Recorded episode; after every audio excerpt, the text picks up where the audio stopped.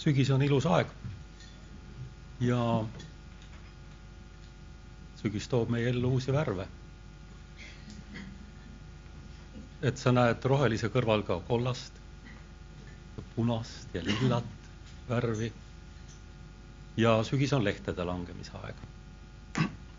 aga sa ei oska iial arvata, et selles majas, kus on remonti teinud riigihanke võitnud firma, aeg-ajalt langevad ka köögikapid ja siis ei näe sa oma silmas mitte pindu ega ka palki, vaid nelja meetri pikkust ja kahe meetri kõrgust köögikappi, mis satub langema just ilma tuule mõjuta, just sel hetkel, kui sa sinna ette satud. et sügis on tõesti ilus aeg jah, me tahtsime oma lastele öelda, et on perevägivald, aga nad ei uskunud. ja siis ma pidin välja mõtlema uue, uue teooria selle kohta. aga nii ongi, et, ähm, et teinekord see firma, kes on lubanud kõike teha kõige odavamalt, peabki oma sõnast kinni ja teebki, teebki kõige odavamalt ja ja, ja kui ma siis pärast nägin, kuidas see köögikapp oli seina külge kinnitatud, siis ma mõtlesin, et mina, kes ma olen filoloog, saan ka aru, et tüüblid peavad seina sisse minema. mitte lihtsalt seebiga seina peale. aga see selleks, see on, see on kõrvaline teema. Äh, ma tahan täna rääkida äh, piimast ja tahkest toidust ähm, ülekantud tähenduses. Äh, ja kõige rohkem räägin ma tahkest toidust, aga selleks, et võrrelda, mis vahe neil on, ma pean tegelikult rääkima ka, ka päris piimast ja päris toidust natukene. esimese korintlastele kolm, ük-, kolm, seal on nüüd selline mm, no üks väike mõte, kus Paulus võrdleb Jumala sõna vaimset toitu piimaga. Äh, see on nüüd minu isiklik arvamus, et täiskasvanud inimene ei peaks piima tarbima, vähemalt sellisel kujul, nagu ta lehma seest välja tuleb. sest et see on mõeldud vasikatele. aga eks igaüks vaatab ise, mis tema toidulauale. aga Paulus ütleb niiviisi, ma jootsin teile piima ega andnud tahket rooga sest ei oleks seda veel talunud. et äh, ta ütleb, et me talume piima paremini kui tahket rooga ja piima all ta peab siis silmas äh, piltlikult öeldes kergesti seeditavaid tõdesid, lihtsaid tõdesid. ja, ja ma toon ühe näite selli-, sellise lihtsa tõe kohta. kui sa oled äh, äsja saanud kristlaseks, kindlasti kõik mäletavad, kellelgi on sellest möödas viis aastat, kellelgi kolmkümmend aastat, kellelgi veel rohkem võib-olla, siis, siis tõenäoliselt äh, õpetaja, preester, pastor, kes iganes, äh, vend, kelle kaudu sa usklikuks said, ei hakanud sulle äh, selgitama mingeid väga sügavaid piiblitõdesid, vaid vaid võttis midagi, millest on lihtne aru saada ja mis tegelikult sel perioodil ka kõige paremini töötab. ja meie jaoks oli näiteks üks selline noh, lutipudelist antav salm selline, et paluge, teile antakse. otsige, te leiate, koputage ja teile avatakse. sa palud ja sa saad vastuse. ja võib-olla ongi niiviisi, et, et algusperioodil, esimestel nädalatel, esimestel kuudel, võib-olla ka esimestel aastatel ongi niiviisi, et, et sa palud ja sulle antakse ja siis sa vaatad neid, kes on koguduses olnud pikemat aega, nad võitlevad millegagi, neil on mingisugused jamad, aga minul ei ole. ja sul võib-olla on isegi selline tunne, et ma nüüd olen püham, ma olen targem, ma olen parem. aga see on piima joomise periood. on täpselt nii nagu beebiga. beebi väksatab, juba saab süüa, juba antakse. ta ei pea mitte midagi, ta ei pea võitlema. talle juba antakse ema kuuleb tema häält, kui ema kodus ei ole, siis isa kuuleb, annab lutipudeli ja, ja kohe saab. ja, ja siis, kui ta natukese aja pärast uuesti kääksatab, kohe vahetatakse mähkmed ära, ei ole mingit probleemi. ta ei pea võitlema selle nimel, et mähkmed ära vahetatakse. piima joomine ja mähkmete mustaks tegemine on imiku töö. ja ta ei pea hoolitsema mitte mingisuguste noh, olmeprobleemide eest. Peaasi, et ta joob piima ja teeb mähkmed mustaks ja issi ja emme on õnnelikud selle üle. teate, kui õnnelikud on noored emad, kui nad omavahel kokku saavad, kuidas minu beebi kakas, kuidas meil see oli? Nad räägivad sellest, see on kõige tähtsam asi üldse ja muide, see ongi kõige tähtsam. see ongi hästi tähtis. et äh, võib teha Messengeri grupi sellest ka. muide ongi, muide ongi, neid ongi. ongi. Aga kui sa oled täiskasvanu, siis jääb sellest natukene väheks. no kujutad ette, et sa oled kuskil tööl, oled õpetaja või politseinik või, või keevitaja. ja ülemus tuleb, küsib, et aga mida sa täna tegid? mis tööd sa täna oled teinud? ta ütleb, et ma olen mitu korda täna söönud, kolm korda vetsus käinud. ja ülemus ütleb, et tubli mees preemiat saad ka veel. tegelikult ei ole päris niiviisi. kui sa oled täiskasvanu, siis ainult piima joomisest ja vetsus käimisest ei piisa. tegelikult täiskasvanud inimene peab hoolitsema iseenda eest, vastutama oma probleemide eest, oma probleemide lahendamise eest ja, ja paljudel juhtudel ka teiste inimeste eest mõningatel juhtudel väga paljude inimeste eest. ja, ja, ja selleks, et äh, kasvada välja imikueast, sellest piima joomise east, me peame hakkama sööma tahket toitu. meil ka kristlastena, meil oleks väga hea meel, kui, kui kõik lähekski nii edasi, nii kui palud, kohe antakse, nii kui otsid, kohe leiad, nii kui koputad, kohe on uks lahti aga kui me nüüd tähelepanelikult pühakirja loeme, siis ei ole niiviisi. ja erinevates kogudustes on erinevad õpetused. ja ma olen näinud koge-, kogudusi, kes on aastakümneid tegutsenud ja, ja kes on jäänud sellesse piima joomise faasi. ma olen näinud kristlasi, kes on aastakümneid käinud koguduses ja kuulnud jutluseid ja kuulanud neid ja on jäänud piima joomise faasi. see ei ole normaalne. sa pead sealt edasi minema ja hakkama, hakkama tahket toitu sööma, sellepärast et muidu sa jääd imikuks. ja võib-olla isegi inimestena, noh, laps, pisikene beebi on ju igavesti nunnu, eks ole. Aga kui sa oled kolmekümneaastane ja selline nunnu ja juba viiekümneaastane ja ikka selline nunnu, selline tore pluti-pluti, siis see ei ole õige. ja sellepärast ma tahan rääkida natukene tahkest toidust ja ja on oluline see tahke toit üles leida. see ei ole niisama, et, et, et on need salmid, mis on nii-öelda piimasalmid ja on need salmid, mis on tahketoidu salmid. Nad on mõnikord üheskoos ja sa pead äh, selle tahke toidu sealt üles leidma ja selle ka ära sööma. okei okay,, jooma piim ka ära. aga, aga söö see tahke toit ka.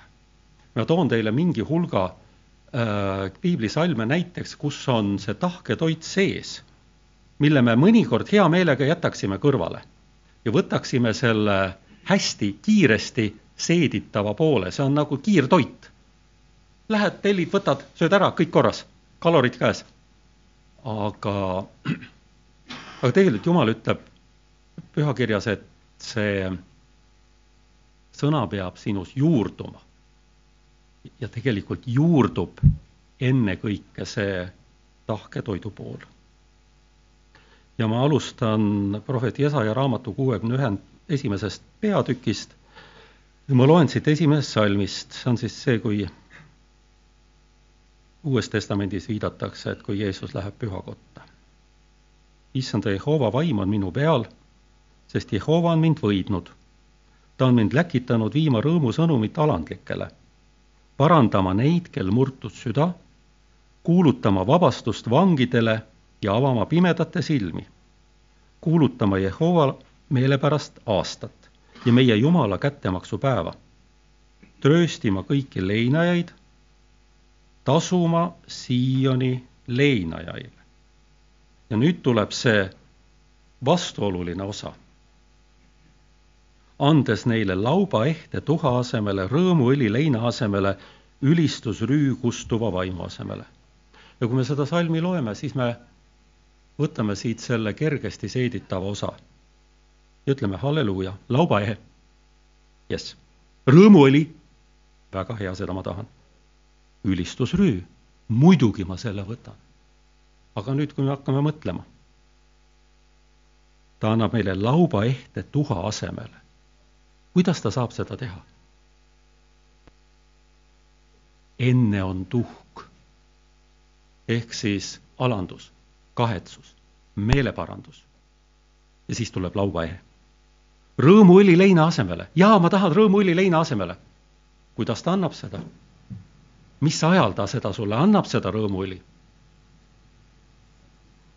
mitte siis, kui sa hullult õnnelik oled kogu aeg, vaid ta annab selle leina asemele. kui sul on lein, Jumal annab selle asemele rõõmuõli. ülistusrüü kustuva vaimu asemele ja millal sa saad ülistusrüü? Kes saab ülistusrüü? see, kellel on kustunud vaim. me ei taha seda tunnistada, aga kui me ei tunnista ühel hetkel, et meie vaim on kustunud, siis ülistusrüüd ei anta. see on siia sõnasse sisse kirjutatud, see on kaks poolt. me ei saa võtta ainult ühte poolt. või psalm kakskümmend kolm, see on üks kõige karmimaid salme üldse. Ta on hästi positiivne, aga see on hästi tõsine. neljas salm, kui ma kõnniksin surmavarju orus, ei karda ma kurja, mõtled, ei, ma ei karda kurja. ei karda. kus kohal sa ei karda? surmavarju orus. noh, uues tõlkes on pimedas orus. valige, kumba te tahate aga, aga seal sa ei karda kurja. sul on väga lihtne kurja mitte karta, kui kõik on väga hästi. aga pühakiri ütleb, ka kui ma kõnniksin surmavarju orus, ei karda ma kurja. või viies salm siit, sa katad mu ette laua mu vastaste silma all. et see on üks kõige õudsamaid asju ja, ja üks kõige raskemaid asju kui Jumal õnnistab sind ja su vaenlased on ümber sinu ja parastavad ja kadestavad ja sa pead välja kannatama selle, et sina oled sel hetkel õnnistatud, see ei ole üldse lihtne. See on, see on väga keeruline. aga Jumal ütleb, et sellise olukorra ta toob sinu ette, see õnnistus on sinuga siis, kui vaenlased on ümber sinu. kui te mõtlete Taaveti elu peale, siis ta oli kogu aeg sellises olukorras. tema oma lähedased tahtsid teda hävitada, tema vaenlased tahtsid teda hävitada. ja, ja ta elas võidus, sellepärast et ta võitles kogu aeg. Laul kakskümmend üks, üheksa, ei, Luuka kakskümmend üks, üheksateist. väga halb salm. üks vastikumaid salme piiblis üldse, mida sa võid lugeda oma püsivusega kannatustes päästate te oma hinge jaa, ma tahan oma hinge päästa. aga mis olukorras? kannatustes, oma püsivusega kannatustes. ja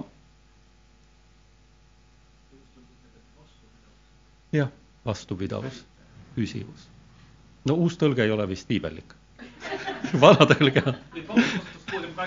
just, ma olen täiesti, täiesti nõus sellega, et mulle, mulle see kuuekümne kaheksanda aasta tõlge meeldib rohkem, praegu on piibel netis ka tuhande seitsmesaja kolmekümne üheksanda aasta tõlge, mis on ka täitsa põnev lugeda, muide.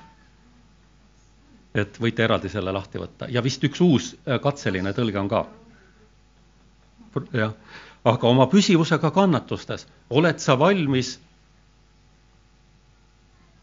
haarama kinni oma päästest, kui sa pead olema püsiv kannatustes, kui kaua?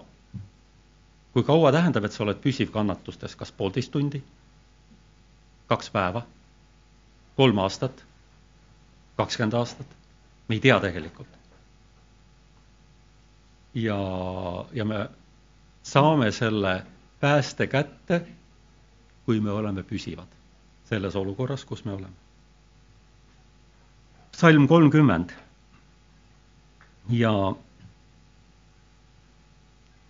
sind Jehova, teises salmis, sind Jehova, ma ülistan, sest sa oled mind toonud välja hädast ega ole lasknud mu vaenlasi rõõmustada minu pärast. Jehova, mu Jumal, ma kisendasin su poole ja sa tegid mind terveks kui tihti sa kisendad Jumala poole? kas sa kisendad Jumala poole siis, kui kõik on hästi, kõik laabub, õnnistused voolavad, taevas on avatud, taevaluugid on avatud? tõenäoliselt sa ei kisenda Jumala poole siis. sa kisendad Jumala poole, kui on mingi probleem. ja millal Jumal tervendab? siin on öeldud, ma kisendasin su poole ja sa tegid mind terveks, see tähendab, et sa olid haige võib juhtuda niiviisi, et sa oled kristlane ja sa oled haige. ja kui küsida, kes on süüdi, kas sina oled pattu teinud või on keegi teine pattu teinud sinu peres, et sa oled haige, või kui sa pühakirja loed, ei pruugi olla see ja teine, vaid sa lihtsalt oled haige. ja sa kisendad Jumala poole ja, ja Jumal päästab, Jumal teeb terveks. et äh, me oleme hästi kärmed, see ei puuduta meid, mind ennast, aga see puudutab teisi. kui mõni teine on haige.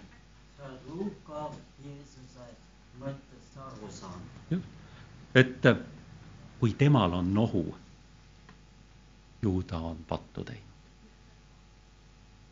aga kui minul on nohu, aga ma külvetasin lihtsalt. ei, ei pruugi sugu nii olla, võib-olla hoopis vastupidi. aga võib-olla ei ole see ega teine, vaid lihtsalt sa oled haige selleks, et sa peaksid Jumala poole kisendama. teate, kui meil läheb kõik väga hästi, me unustame Jumala ära, sa loed Vana Testamenti, kogu aeg on niiviisi. nii kui Iisraeli rahval hakkas natukene paremini minema. no nelikümmend päeva, mis Mooses oli mäe peal, Jumal oli nad toonud Egiptusest välja. suured imed, tunnustähed, Mooses oli natuke aega kadunud ja Aaron meisterdas kuldvasika.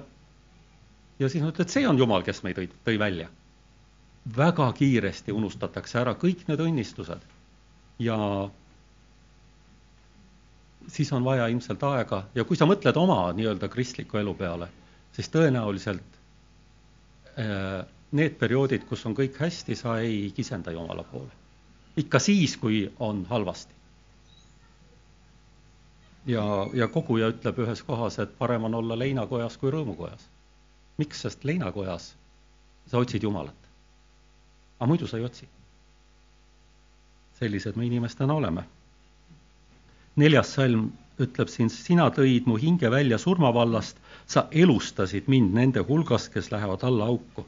kui sa mõtled selle olukorra peale, siis see on hästi tõsine, aga siis Jumal elustab sind ja, ja kolmekümnenda psalmi kaheteistkümnes salm, see on hästi, hästi kuulus ja seda väga palju tsiteeritakse. sina oled muutnud mu kaebuse ringtantsuks. mis tähendab seda, et ma ei tea, kas noh, ütleme, me ei pea praktiliselt seda tantsu hakkama siin noh, läbi viima, tegema, tantsima, aga, aga, aga jumal ütleb sulle, et et see kaebus muutub ringtantsuks, see ei tule lihtsalt niisama, vaid kaebus muutub ringtantsuks. sa oled kotiriide vallandanud mu seljast, aga millal saab kotiriide vallandada? siis, kui see on su seljas. seda ei saa teha siis, kui ta on sul kapis ja ripub. mida see kotiriie tähendab? see tähendab alandust, see tähendab patukahetsust. ennekõike alandust, et sa alandad ennast Jumala ees ja siis, kui sa alandad ennast Jumala eest, siis on öeldud, oled rõõmu pannud mulle vööks. rõõm tuleb siis, kui sa alandad ennast Jumala ees. salm kolmkümmend neli. see on jällegi üks nendest salmidest, äh, noh, mida võib pidada hästi rasketeks kuidas ütleb kaheksateistkümnes salm, õiged kisendavad ja Jehova kuuleb ning tõmbab nad välja kõigist nende kitsikusest. kuidas on võimalik, et õiged on kitsikuses?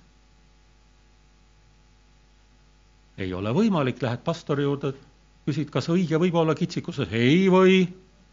meie pastor ütleb, ei, sa oled päästetud, sa oled meie koguduses, meie kogudusest ükski õige ei ole kitsikuses, kui sa oled kitsikuses, mine naaberkogudusse. seal on, seal, seal ei ole õiget õpetust.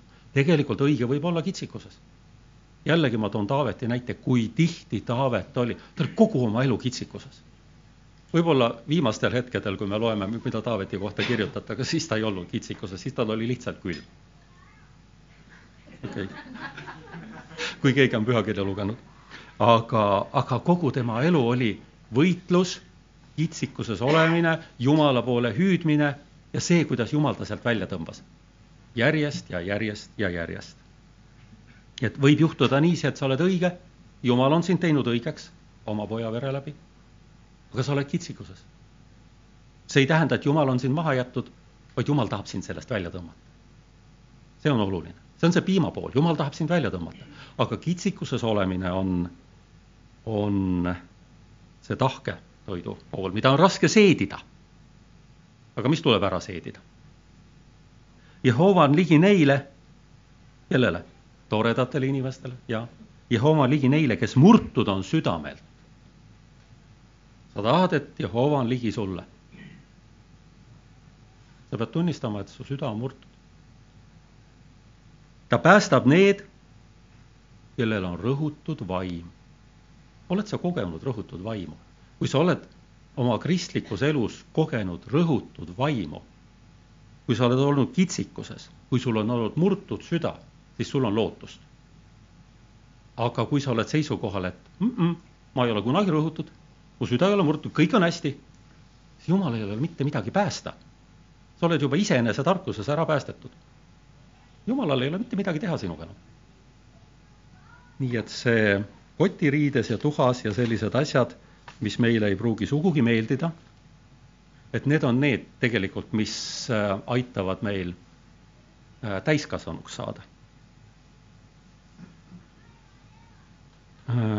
kas võib juhtuda, et kristlane komistab? meie koguduses ei juhtu, aga mõnes koguduses juhtub ja seal on niiviisi, salm kolmkümmend seitse, salm kakskümmend neli. kui ta langeb, see käib meie kohta, kui ta langeb, ei kuku ta maha, sest Jehova toetab ta kätt. õigete õnnistus tuleb Jehova käest tema on nende tugev kaitse kitsikuse ajal, jällegi on öeldud, et õiged võivad olla kitsikuses. õigete õnnistus tuleb Jehova käest, tema on nende tugev kaitse kitsikuse ajal. nii et kui sa oled kristlane ja sa oled kitsikuses ja kõik ei lähe ludinal, see ei tähenda tegelikult seda, et sinu elus on midagi valesti, vaid vastupidi see on see õige koht, kus Jumal saab sind õnnistama hakata, kus Jumal, Jumal saab sulle käe ulatada. ja, ja tema tõmbab sind sellest välja. salm kaheksakümmend neli, salm seitse. nutuorust läbi käies teevad nad selle allikate maaks, küll me tahaksime olla allikate maal. kõik voolab, vuliseb, maasikad on ümberringi, seened, marjad, vutid, manna, võtad, korjad, sööd, kõht on täis, ei nutuorust läbi käies, nutuorgu ei tahaks minna, see on nõme. nutuorg on nõme koht, seal on raske. aga allikate maad, jumal ütleb, muidu ei tule. või näiteks psalm üheksakümmend üks, mida enamik teist tõenäoliselt peast teab. jumal kaitseb omi. kolmas salm ei, ma hakkan algusest peale esimesest, kes kõige kõrgema kaitse all elab. selge sa elad Jumala kaitse all ja alati kõigeväelise varju all viibib. Jumal kaitseb, sa oled Jumala varju all. ja siis kolmas salm ütleb järsku, sest ta kisub sind välja linnupüüdja paelust. kuidas Jumal saab sind välja kiskuda linnupüüdja paelust? oled sa mõelnud selle peale? ta ei saa seda teha muidu, kui et sa oled linnupüüdja paelus. oled mõelnud selle peale, kuidas ta kisub sind välja? Kui sa oled, kui sa ei ole linnupüüdja paelus, siis ta ei saa sind sealt välja kuts-, kiskuda. jaa, see on lõks, millega linde püütakse, millega vaenlane, noh, jahimees, ütleme, jahimees püüab linde. ja Peetrus ütleb, et hingevaenlane käib ringi nagu möörga ja lõukoer ja üritab haarata sind. jumal kisub sind sellest. või näiteks sa astud üle lõvide ja rästikute, noored lõukoored ja lohed sa löömast. sa astud üle lõvide ja rästikute, kui sa seda ette kujutad, seda pilti. et minul võtaks südame alt külmaks. jah, lõv-. mul on kevadeti, siis kui päike hakkab välja tulema, ma käin ka tihti rabas jooksmas, Harku rabas, ja siis need rästikud on tulnud tee peale päikeselaigu sisse ennast soojendama, siis jooksed, jooksed, järsku vaatad, mingi ront on tee peal. Ja siis see ront läheb nii. Ja siis sa põrkad üles nii, suurest ehmatusest hüppad ise kahe meetri kõrgusele, eks ole. jah, jah, et, et selliseid olukordi on. aga, aga kui sa mõtled lõvid ja rästikud ja ja, ja, ja, ja, ja, ja jumal paneb sinu ette selliseid olukordi, kus sa pead tegema asju, mida sa tegelikult ei julge teha. ja sa teed need ära. kui sinu elus ei ole mittegi ühtegi asja, mida sa ei karda. et noh, nagu ma ütlen, nagu jah, et ludinal läheb, sa ei karda mitte midagi. siis tegelikult Jumal ei saa sulle julgust anda Jumal annab sulle julgust siis, kui sina ise kardad. ja Jumal annab selle julguse sulle, millega edasi minna. või näiteks salm sada kaheksateist, kitsi, äh, viies salm, kitsikusest ma hüüdsin appi Jehovat. Jehova vastas mulle, asetas mind avarusse. vot me tahame avarust, aga Jumal ei saa sind avarusse asetada, kui ta sind ei saa kitsikusest välja võtta võtab sind kitsikusest välja ja asetab avarusse. või laul sada kolmkümmend kaheksa, kolmas salm, sel päeval, mil ma appi hüüdsin, vastasid sa mulle. sa tegid mind julgeks, mu hinges on tugevus. kui te olete noh, juba mõni aasta kristlased olnud, siis te teate, mis tunne on siis, kui hinges on nõrkus. ja mis tunne on siis, kui selle asemel antakse tugevus. seda vahet sa näed siis kui sul on olnud nõrkus ja Jumal on andnud sulle tugevuse. aga, aga Jumal ütleb niiviisi, et sel päeval mind ma appi hüüdsin. kui sa ei tunneta oma nõrkust ja kui sa arvad, et sa oled iseenesest tugev, siis Jumal ei saa sulle tugevust anda. sellest tuleb üks väga hea salm varsti veel edasi. aga õpetussõnades on ka mõned sellised väga head kohad. Need kohad, sellised kohad, mida me üldse ei tahaks päriselt vastu võtta Jehova kartus on tarkuse õpetus, aga enne au on alandus. alandus on nõme, vastik, vastik on olla alanduses. Te teate, koguduses on küllalt halb alanduses olla, sellepärast et teate, kristlaste hulgas on väga palju kõrge inimesi, kes olles usus, arvavad, et nad on paremad kui teised kristlased. ja kui sinu elus on raske periood siis see, mida maailm ütleb, on sulle ükskõik. aga su sõbrad kristlased näitavad näpuga sinu peale. ja kui sa oled alanduses, äh, siis, siis, siis tegelikult seda kristlaste näpuga näitamist on palju raskem taluda kui, kui, kui maailma näpuga näitamist. maailm saab paljudest asjadest paremini aru, kui, kui, kui me kristlastena aru saame. me oleme väga kärmed hukka mõistma neid, kes on alanduses kellel on midagi, noh, midagi juhtunud, mingi häda on, mingi mure on, mingi probleem on, siis, siis tegelikult on niiviisi, et kui su vend on alanduses, siis see peaks tekitama aukartust, sest teda ootab au. jumal tahab talle au anda, jumal tahab teda austada. ja see tuleb läbi alanduse. ja järgmine kirjakoht on ka väga hea enne langust läheb inimese süda ülbeks, aga enne au on alandus, see teine pool on sama. aga enne langust läheb inimese süda ülbeks, kui sa näed, et keegi on nagu, on see maailmas või on see koguduses, vahet ei ole. kui keegi on nina püsti ajanud, kui sa näed, et keegi on mm, ütleme, et põhjendamatult enesekindlaks muutunud, põhjendamatult upsakaks ja seda me näeme nii koguduses kui näiteks poliitikas, majanduses, siis kui me ei näe või ei vaata asjadele vaimulike silmadega, siis me võime arvata, et küll sellel inimesel on kõik hästi.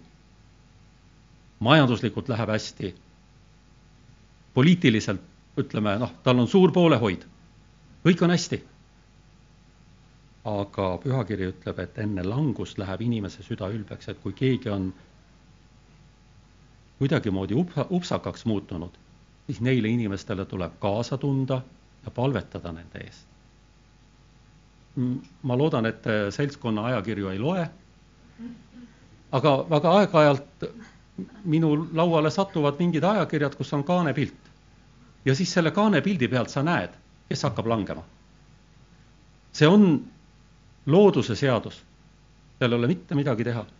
inimesed maksavad suuri summasid selleks, et saada seltskonna ajakirja kaanepildile. ja, ja see ei ole mingi auasi tegelikult, sa näed, et kui inimene on sinna ennast rebinud, siis varsti ta tõenäoliselt kukub ja see praktikas see nii ongi. et äh, uuesti ja siis nad saavad mõne teise, noh, see paraku nii ongi. Et, et siis nad saavad kuskile mujale. et aga enne au on alandus. et kui sa oled alanduses, see on kõige parem koht olla, sest sealt on võimalus tõusta. ja kui sa oled alanduses, siis Jumal tõstab sind sealt välja. aga kui sa oled, ütleme noh, see, see, mida mina arvan, mis nagu muidugi kümne käsu järgimine ja kõik see on väga oluline ja nende eksimine on halb, aga minu meelest üks üks Jumala jaoks kõige halvemaid asju on ülbus. ja kristlik ülbus on kõige hullem nendest asjadest. kui sa arvad, et sa, et, et sul on õigus sellepärast, et sa käid koguduses, et sa loed piiblit, et sa oled kristlane. ei ole, sul ei ole sellepärast õigust äh õpetussõnad kakskümmend neli kuusteist, õige langeb seitse korda ja tõuseb üles. See, kui sa langed, see ei ole häda, see ei ole mure, see ei ole probleem. igaüks langeb. õige langeb seitse korda. oluline on see, et sa tõused üles jah, see on, see on täiesti õige, see on noh, Mardile iseloomulikult selline kujundlik väljend, aga väga õige, et sa ei jää sellesse õnnetusse, oma kukkumisse noh, vedelema ja haletsema ennast. Et kui sa oled kukkunud, tõuse üles. jällegi, me peame olema kristlastena väga tähelepanelikud oma kaaskristlaste suhtes, kes on kukkunud. Nad tõusevad üles meil ei ole õigust hukka mõista neid.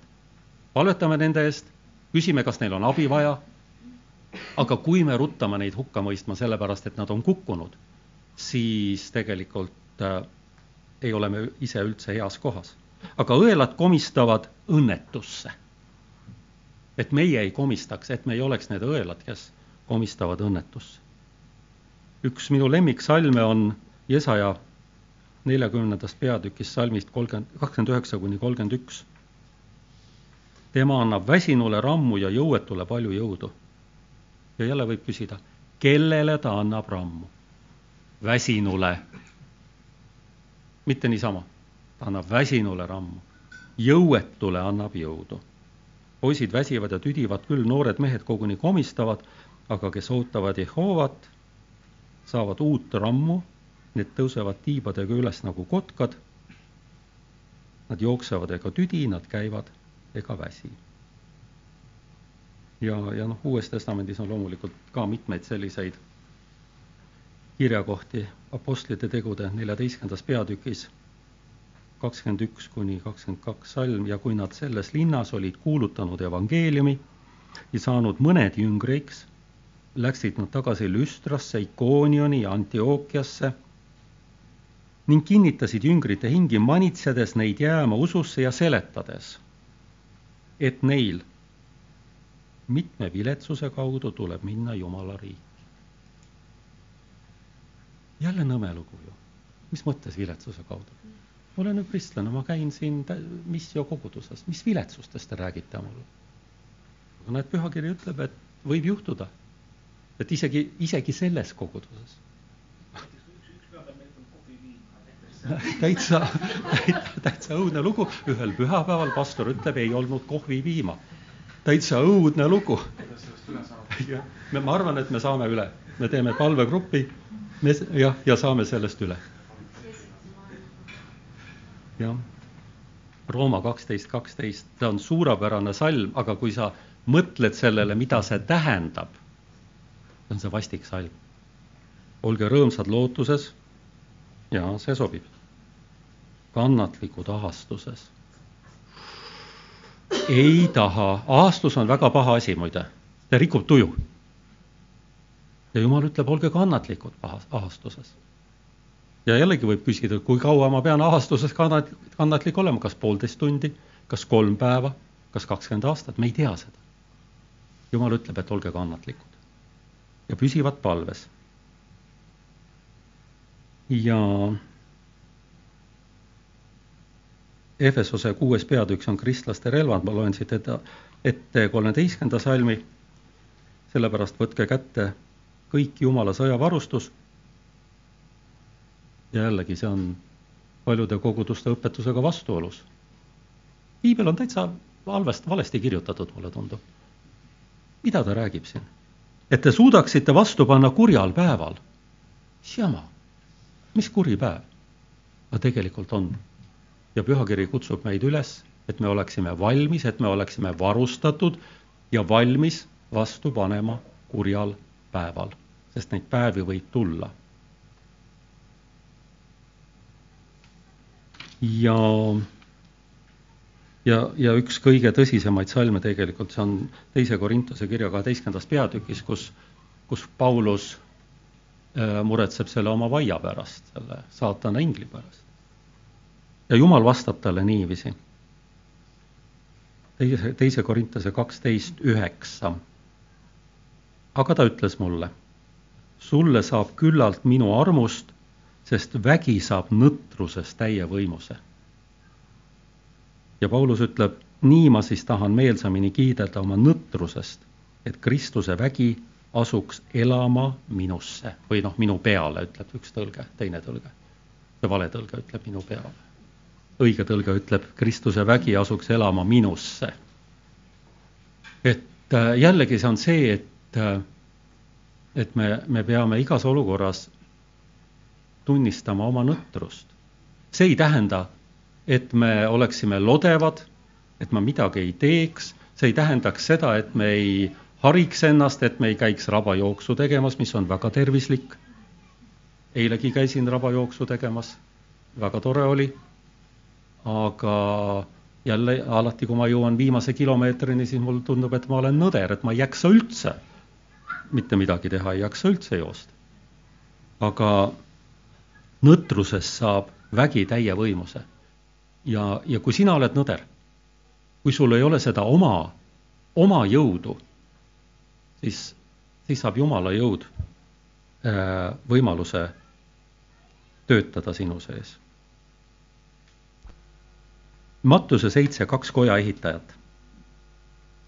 ja siin Jeesus ütleb niiviisi, et igaüks, kes nüüd neid mu sõnu kuuleb ja teeb nende järgi, on võrreldav mõistliku mehega, kes ehitas oma koja kaljule.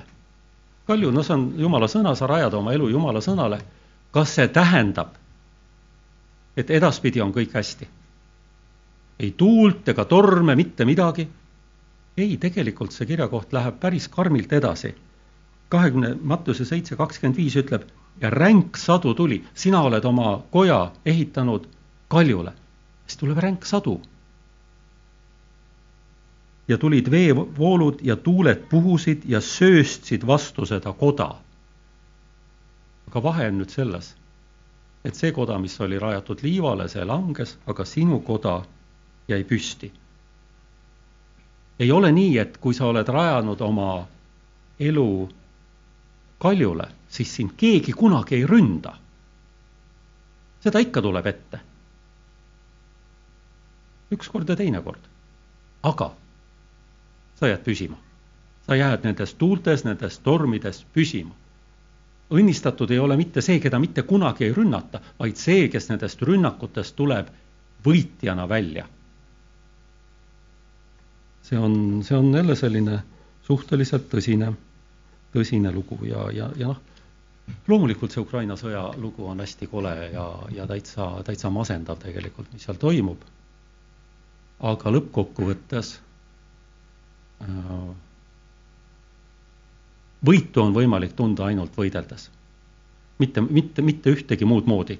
et siin võib ju selle noh, jooksuvõistluse näite tuua, et sa lähed maratoni jooksma. nelikümmend kaks kilomeetrit ja sada üheksakümmend viis meetrit. jube pikk maa. sa sõidad starti. vennad hakkavad jooksma, kas sa oled kaval? sa sõidad autoga nelikümmend kaks kilomeetrit ära ja jooksed hullult kiiresti ainult need viimased paarsada meetrit. ja tuled esimesena enne Tiidrek Nurmet ja Mukungat sina oled juba kohal. sest et autoga on võimalik palju kiiremini sõita, kui nemad jooksevad. Nad on higistanud, nad on väsinud. sa tuled lips ees rahulikult. aga siis võib küsida, kas see on võit? no ei ole. Ja, ja tegelikult äh, mida lihtsamini, mida lihtsamini asjad kätte tulevad, tegelikult seda väärtusetumad nad on.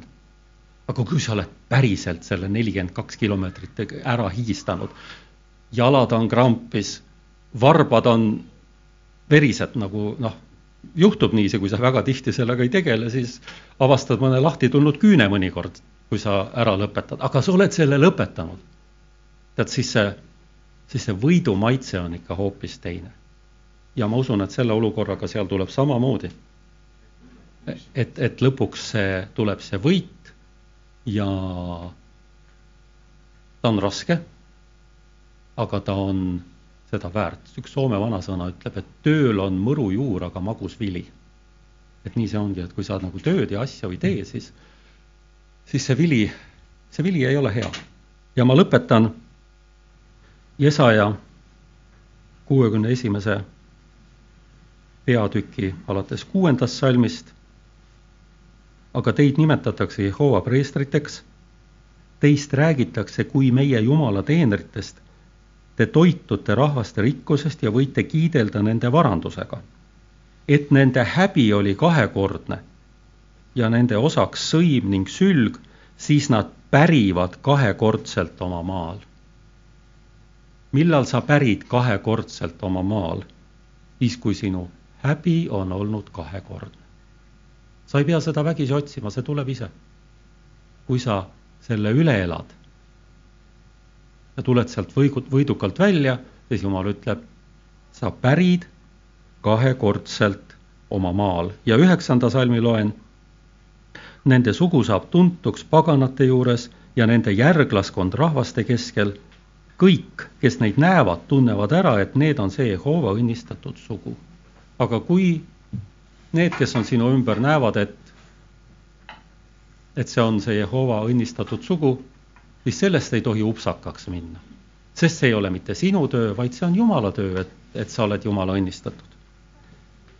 ja, ja kui me mõtleme noh, vaimulikus mõttes oma eeskujule, noh, ma vabandan Heigo ja Janeki ees, te loomulikult olete meile eeskujuks, aga, aga ma pean Jeesust silmas. tegelikult, kes on meile eeskujuks kes on kõige aulisemas kohas, mida üldse võib välja mõelda, ta on isa paremal käel. aga selleks, et sinna saada, ta pidi läbima ühe tee, mis oli täis kannatusi ja alandust. meie ei pea seda teed, sellist teed käima.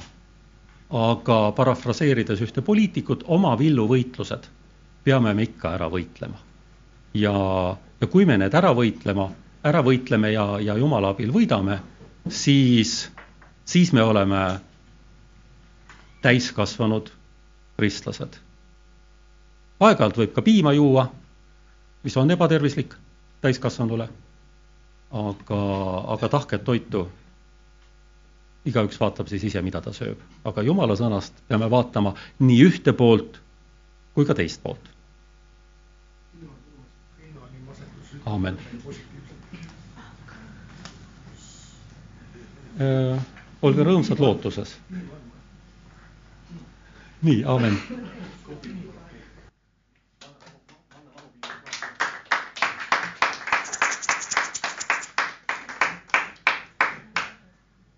Ma kindlasti ei hakka siin äh, rehitsema ega midagi, aga, aga kui ma, ma lihtsalt ise kõvasti lihtsalt küsin ja võib-olla Ilmar saab veel vastata, et, et tegelikult infot ju ja neid kirjakohti on nüüd hästi palju.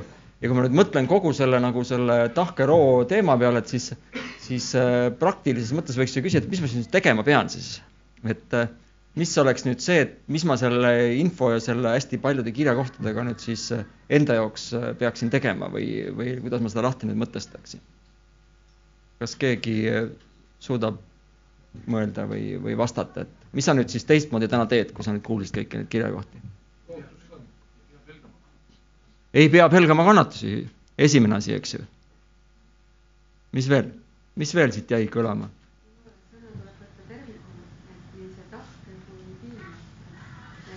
et jumala sõna tuleb võtta tervikuna, tahke roogu samamoodi ei piima. et rohkem kiluvõileiva saad fosforit. ja ma ise mõtlen seda, et, et äh, ma arvan, või võib-olla üks kõige otsesem ju konk-, äh, kokkupuude Jumalaga on meil äh, ju läbi püha vaimu. kui isa on taevas, muidugi need on ka sellised mõisted, Jeesus tema paremal käel, eks ju, et et kas see nüüd täpselt just nii on, aga, aga, aga me teame kindlasti seda, et, et kui Jeesus siit lahkus, siit ilmast, siis ta jättis püha vaimu igaühele, kes siis on Jumala lapsed. nii et võib-olla siis kõige otsesem, ütleme tehnilises mõttes kõige otsesem kokkupuude meil Jumalaga on läbi püha vaimu. ja kui me vaatame seda algkeelset sõna parakleetus, parakleete ka öeldakse, siis mida see tähendab? mida tähendab see sõna parakleetus, püha vaim trööstija, keda saab trööstida, needsamad mõtted, keda saab trööstida. see, kes on kurb, eks. mis veel? advokaat, ta kaitseb, ta teeb meie eest eespalveid, keda saab kaitsta. kelle eest, kelle eest on vaja nii-öelda advokaati, see, kes on kuskile astunud kuhugi ämbrisse, midagi valesti teinud, eks. mis veel? ta on toet-, toetav või ta tuleb kõrvale seisma, ta, ta on tugevaks tegija. keda saab tugevaks teha, eks et, et noh, ütleme ja nii edasi, sealt, sealt me võime veel, veel lugeda välja, kuidas on seda, seda, seda pühavaimu nii-öelda olemust nagu tõlgitud. siis tegelikult need asjad minu meelest lähevadki täpselt selle kokku, mida Ilmar rääkis, et, et, et, et võib-olla, mida mina teen selles olukorras, kui ma täna kõike seda kuulsin, on see, et, et, et esimene asi ja võib-olla kõige lihtsam asi, mida ma teha saan, on see, et kui püha vaim on nüüd, ütleme, minu sees, siis, siis ma peaksin nagu kuulama tema sõna. ja kui, ütleme, sa ei ole kunagi või vähemalt sa ei tunnista, et sa oled kuskil halva koha peal, siis tegelikult püha vaim on sulle lihtsalt lisaraskus.